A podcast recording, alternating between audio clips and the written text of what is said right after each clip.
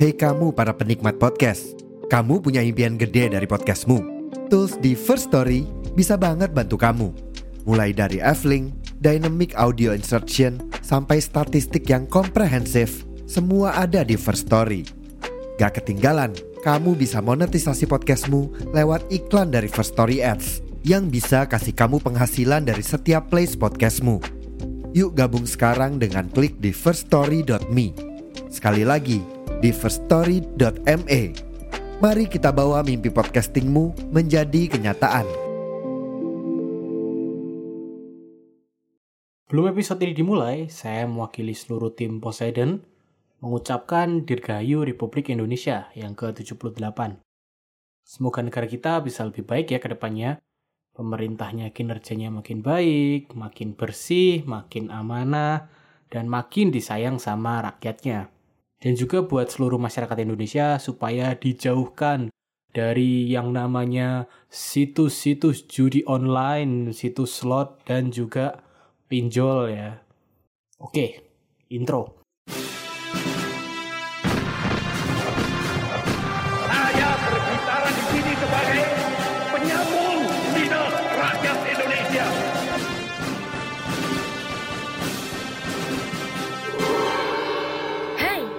Terima kasih sudah memilih mendengarkan kami, Poseidon, podcast yang bikin kalian gagal move on. Halo dan selamat datang di konten paling random podcast sejarah Indonesia di luar kelas. Tempatnya sejarah jelas bersama saya Eka Arkananta. Nuklir memang jadi teknologi yang masih punya reputasi buruk ya buat umat manusia. Selain terlalu overkill ya, dan dapat menimbulkan korban jiwa yang sia-sia, Teknologi ini juga punya dampak yang buruk buat jangka panjang, terutama buat lingkungan ya kalau dijadiin senjata.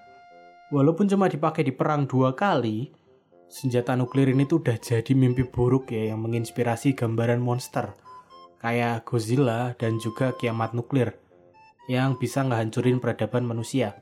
Bahkan bisa bikin kita punah sendiri ya gara-garanya. Walaupun kayak gitu, tetap saja tidak menghentikan beberapa negara untuk tetap memiliki senjata pemusnah massal ini. Alasannya sih buat jaga-jaga ya, buat nakut-nakutin biar pada nggak berani nyerang. Salah satu negara ini adalah Amerika Serikat ya, yang juga merupakan pencipta dan juga satu-satunya negara yang pernah memakai teknologi ini dalam peperangan. Jadi wajar ya kalau mereka adalah yang paling maju dan juga yang paling mutakhir dalam penelitian dan pemanfaatan nuklir ini. Berhubung bulan kemarin, film tentang bapaknya bom atom ya, Robert Oppenheimer ini tuh rame banget. Saya bahkan juga nggak nyangka ya kalau ternyata orang-orang tuh tertarik gitu nonton film sejarah ya. Bahkan sampai jadi film perang dunia kedua dengan jumlah penonton yang paling banyak yang paling laku sepanjang sejarah. Nah karena hal ini, di luar kelas Kali ini juga akan membahas tentang salah satu rencana pemanfaatan nuklir oleh Amerika Serikat ya setelah Perang Dunia Kedua. Sebuah rencana yang kalau kita lihat lagi dengan pengetahuan modern kita, ini tuh ternyata sangat wow. Pasca Perang Dunia Kedua, pasca dijatuhkannya dua bom atom ya di Nagasaki dan Hiroshima, bukan cuma masyarakat dunia, bahkan publik di Amerika Serikat aja takut ya sama kemampuan senjata yang mereka punya ini. Tapi yang takut masyarakat biasanya ya. Pemerintahnya jelas tidak peduli. Kayak habis dapat mainan baru gitu mereka walaupun perangnya udah berakhir, pemerintah Amerika Serikat ini tuh masih nggak bisa berhenti buat nyobain senjata nuklir yang mereka punya ini. Apalagi musuh besar mereka ya, Uni Soviet, ini tuh juga uh, udah mulai gitu nyobain bikin nuklir mereka sendiri. Jadinya Amerika ini makin nggak bisa berhenti ya gara-gara itu. Lama-lama bukan cuma warga negaranya, tapi negara-negara sekutunya Amerika Serikat di NATO ini tuh juga udah mulai kepikiran ya, udah udah mulai nggak nyaman gitu. Hal ini akhirnya bikin pemerintah Amerika Serikat mencoba untuk merubah caranya ya dengan mengeluarkan dua program yaitu Project Ender dan juga uh, Atoms for Peace ya. Dua-duanya ini tuh di tahun 1953. Project Ender ini adalah cara pemerintah Presiden Eisenhower ya untuk meyakinkan masyarakatnya buat mendukung jalannya program nuklir yang selama ini dilaksanakan. Gimana caranya?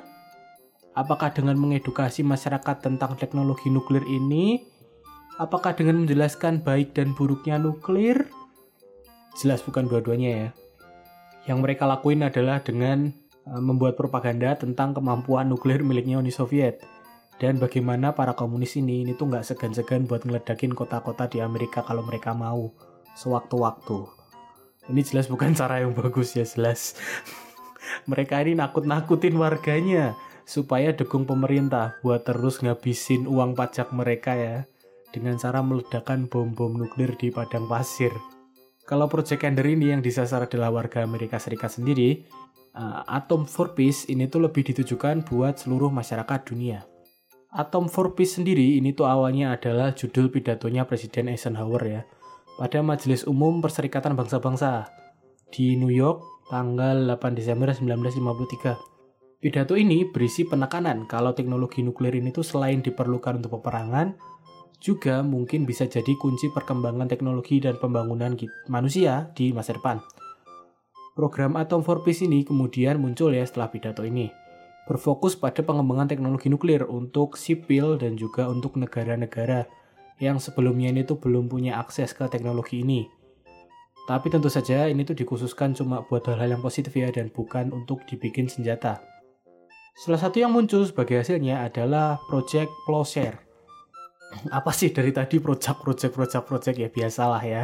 Namanya birokrasi pemerintah, beda penanggung jawab, beda nama, beda program, beda nama, di negara mana pun ternyata sama aja ya repot-repot namanya susah endingnya programnya gagal ya tapi Project Plowshare ini adalah sebuah program yang memiliki tujuan utama untuk memanfaatkan ledakan nuklir untuk pembangunan atau konstruksi.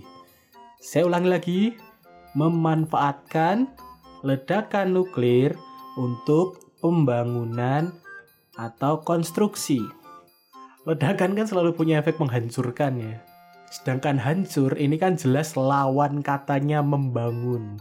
Terus gimana ini konsepnya ini apa ini? Tapi kalau kita lihat lagi sebenarnya bikin terowongan bawah tanah, buka jalur tambang, terus jebol gunung buat bikin jalan tol kan ya semuanya juga pakai bahan peledak kan. Iya sih, tapi kan bukan pakai bom nuklir juga ya. Jangan kan makhluk hidup, bangunan aja itu bisa jadi abu ya gara-gara bom nuklir. Saya juga nggak tahu ya gimana mereka mikirnya gitu. Ilmuwan-ilmuwan yang cerdas ini tuh mikir apa gitu habis nonton ledakan nuklir gitu lihat ke langit lihat ada awan jamur yang tingginya 15 km terus lihat langit tiba-tiba berubah jadi warna oranye gitu terus mikir wah ini aman sekali mari kita bikin danau pakai ini gitu nggak tahu gimana caranya mereka mikir kayak gitu terus apa aja yang direncanakan untuk bisa digarap sama project Plowshare ini pertama mereka ini tuh berencana untuk memperluas terusan Panama yang menghubungkan Samudra Atlantik sama Samudra Pasifik dengan cara meledakkan nuklir di sepanjang pegunungan di negara Nicaragua ya. Nah, nanti kanal yang terbentuk ini ini tuh akan diberi nama Panatomic Canal. Terus mereka juga berencana untuk meledakkan nuklir ini tuh di bawah tanah. Dengan tujuan untuk menyatukan aquifer ya kayak kolam-kolam persediaan air tanah di wilayah Arizona ini tuh biar gabung gitu biar jadi gede dan muat banyak. Salah satu yang paling serius digarap ini tuh adalah untuk membangun sebuah pelabuhan ya di Cape Thompson, Alaska. Jadi caranya adalah meledakkan beberapa bom hidrogen ke sana. Jadi nanti bekas lubangnya ini tuh bisa jadi kayak lautan dangkal ya yang kemudian bisa dijadikan pelabuhan. Semua rencana ini tentu saja tidak pernah terlaksana ya. Jelas sekali karena radiasi ilmuwan tahun itu tuh juga sebenarnya udah tahu ya kalau mereka tuh uh, ngurusan sama yang namanya radiasi tapi entah kenapa mereka masih kepikiran gitu buat bangun pakai itu. Apalagi tadi buat ngeledakin sumber air ya jelas tidak bisa dong. Terus apakah project plowshare ini tuh bisa disebut rencana yang gagal total? Sebenarnya juga enggak ya. Karena walaupun mereka memang nggak sukses bikin pelabuhan atau bikin kanal air buat transportasi sepanjang program yang terlaksana dari Juni 1957 sampai tahun 1977 ini, program ini tuh nyatanya telah membantu penelitian terkait sama gas alam, terus juga terkait sama mineral-mineral langka, dan juga uh, turut membantu pemahaman kita tentang lapisan tanah dan kerak bumi ya. Oke, mungkin sekian pembahasan di luar kelas kali ini ya. Bisa kita lihat sendiri ya, dengan perkembangan zaman, pandangan kita tentang nuklir juga jelas berubah ya sekarang. Bukan cuma buat senjata, tapi hal ini juga bisa dipakai di bidang kesehatan dan juga energi ya jelas. Semoga ke depannya Indonesia tuh juga bisa bikin PLTN sendiri ya. Katanya kan mau jadi negara sukses gitu di tahun 2045. Masa bikin PLTN aja warganya masih pada takut ya masalahnya kita juga butuh gitu penduduk kita makin banyak ekonomi kita makin maju tapi kalau persediaan energi kita nggak ditambahin kan kita juga nggak bisa ya lama-lama aman kok tenang aja aman asal programnya ini tuh nggak dikorupsi ya pasti aman hasilnya terima kasih yang sudah mendengarkan kalau masih ada pertanyaan atau punya kritik saran bisa silahkan tulis di bawah ya di kolom Q&A atau kolom komentar sesuai dengan platform tempat kalian mendengarkan. Bisa juga ke Instagram Poseidon di @podcast underscore Indonesia atau ke Instagram pribadi saya di @rotikecap. Jika ada kesalahan, saya mohon maaf besar-besarnya. Saya Garkan atau pamit. Sampai bertemu di konten Poseidon lainnya. Bye-bye.